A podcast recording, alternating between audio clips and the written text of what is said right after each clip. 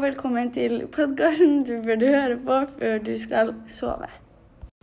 Dagens tema er modernisme. Hører på Vilde, Jenny og Emma. Hvorfor oppsto modernismen? Modernismen blir ofte omtalt som en reaksjon på moderniteten.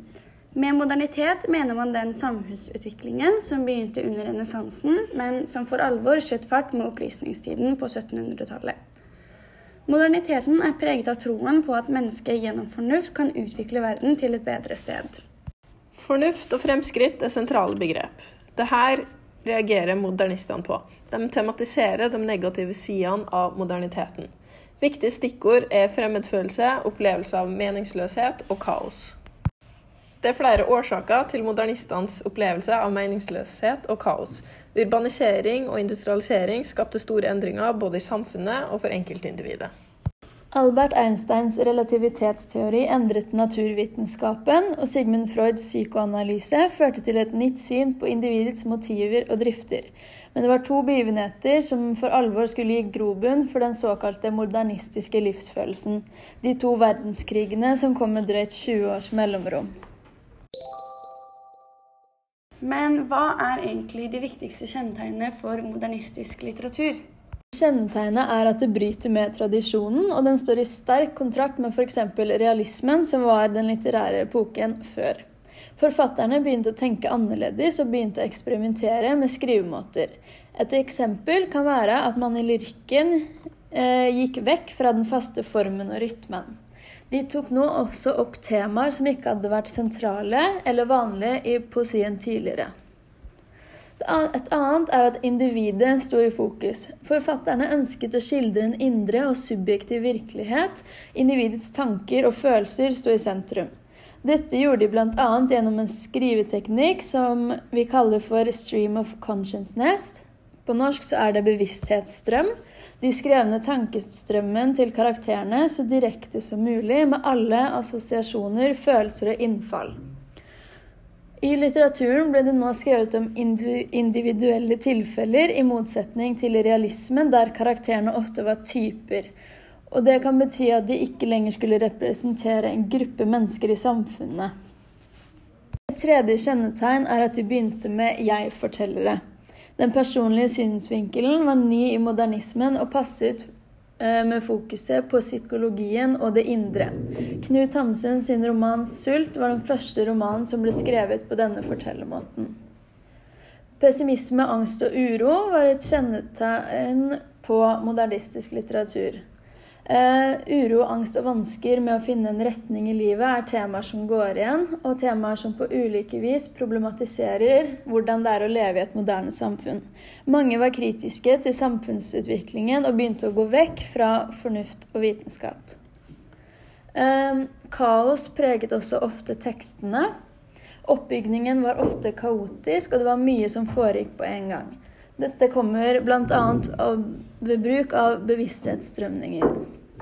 Et av de viktigste temaene i modernismen er fremmedgjorthet. Fremmedfølelse er en følelse av å ikke være hjemme i verden. Det er en opplevelse av at verden er fremmedartet og uforståelig, og av at man ikke forstår sin plass i verden. En viktig side ved dette er at opplevelsen av at det ikke er noe samhold eller fellesskap mellom menneskene, og at moderne mennesker bare er ensomme individer uten tilhørighet til hverandre.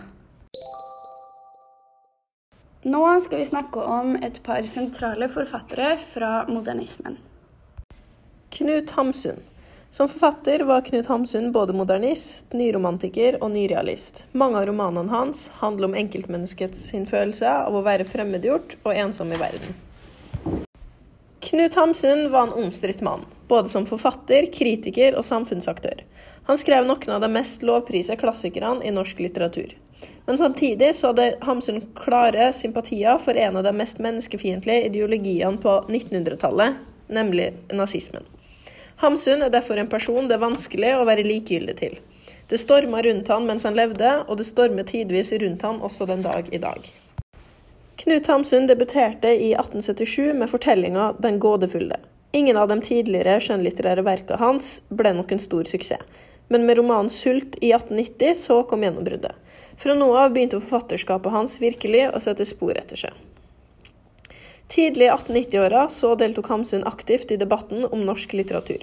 Han markerte seg ved å kritisere Ibsen og de andre realistiske forfatterne, og hevda at personene i verka deres var typer og ikke individer. Hamsun ville ha en moderne litteratur som handla om nettopp enkeltmennesket.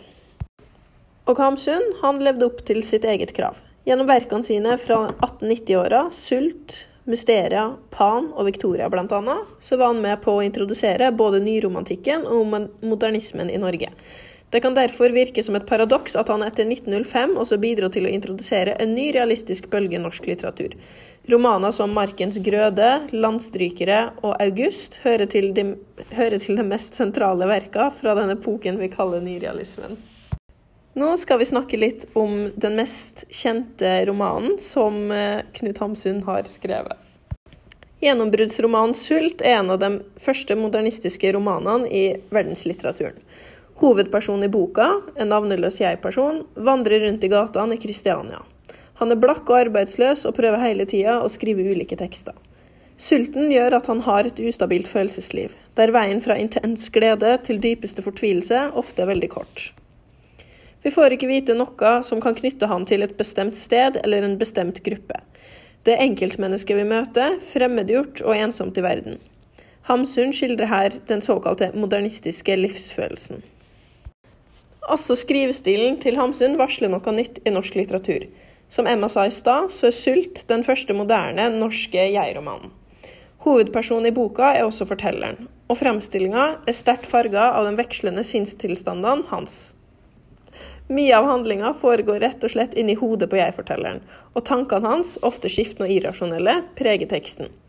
Hamsun gir her en forsmak på den fortellermåten som vi kaller for stream of consciousness, en bevissthetsstrøm. En teknikk som skulle bli mye brukt i den høymodernistiske perioden på 1900-tallet. Romanen har lite ytre handling, og Hamsun bryter med idealet om en utvikling av handling eller av karakter. Sult er ingen psykologisk utviklingsroman, men et dypdykk i psyken til et moderne menneske. Modernismen består av en rekke forskjellige retninger eller ismer. Selv om disse ismene står for ulike litteratur- og kunstsyn, og stundom til og med er i strid med hverandre, har de viktige hovedtrekk til felles. Nå skal vi ta for oss noen av disse ismene i den rekkefølgen de brøt gjennom på første halvdel av 1900-tallet. Ekspresjonismen er den første store modernistiske retningen. Den bryter igjennom helt til begynnelsen av 1900-tallet og utvikler seg videre i mange tiår. Ekspresjonistene, som tidlig slår gjennom i diktning og malerikunst i Tyskland, ønsker å formidle sine sterke indre opplevelser av angst og undergang i et spontant og oftest primitivt språk.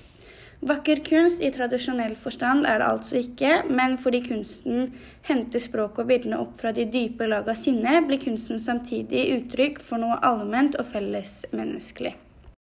I det ekspresjonistiske dramaet kommer dette bl.a. frem i den sterke forenklingen. Karakterene har gjerne ikke individuelle navn, men betegnes som barnet, kvinnen, den gamle osv. Og dekorasjonene på scenen er svært enkle, av og til helt fraværende, men teatret tar ofte i bruk sterke lys- og skyggeeffekter.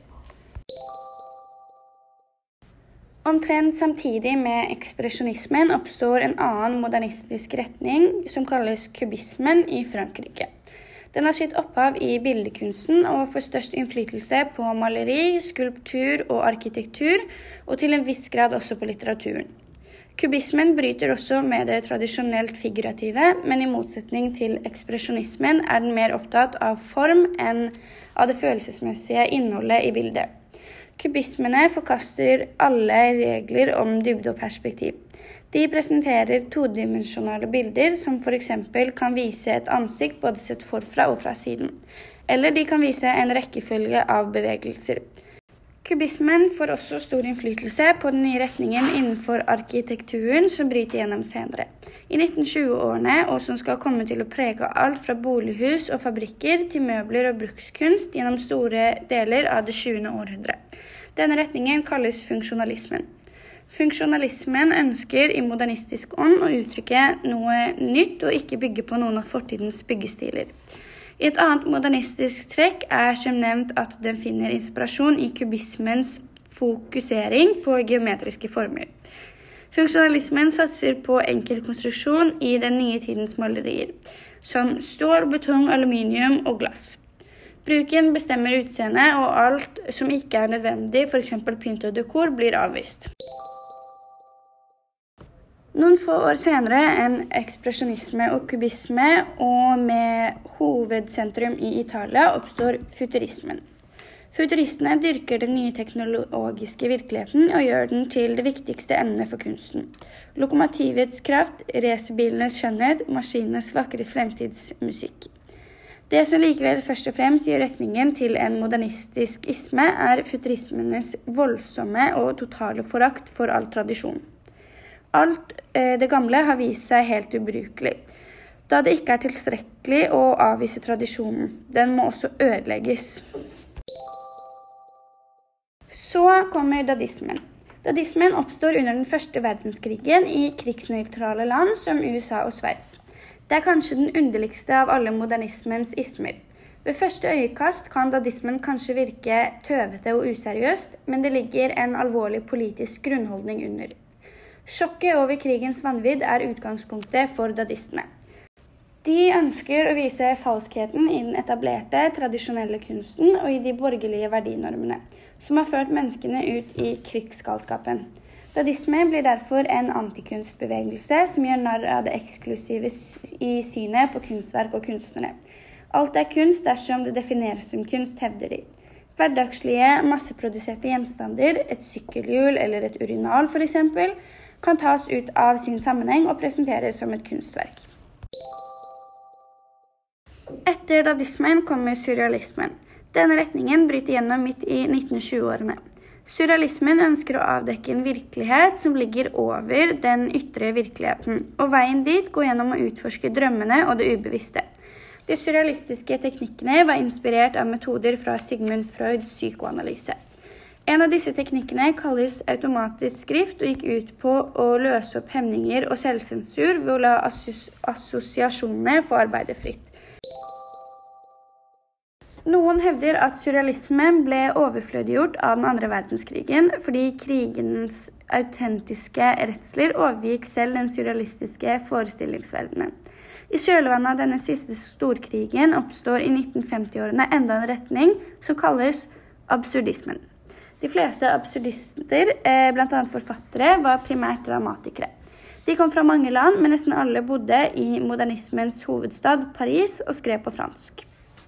Fremmedfølelse og opplevelse av tilværelsens meningsløshet er et grunntema hos modernismenes forfattere. Dette var modernismen kort oppsummert. Abonner for flere episoder om norskfaglige temaer.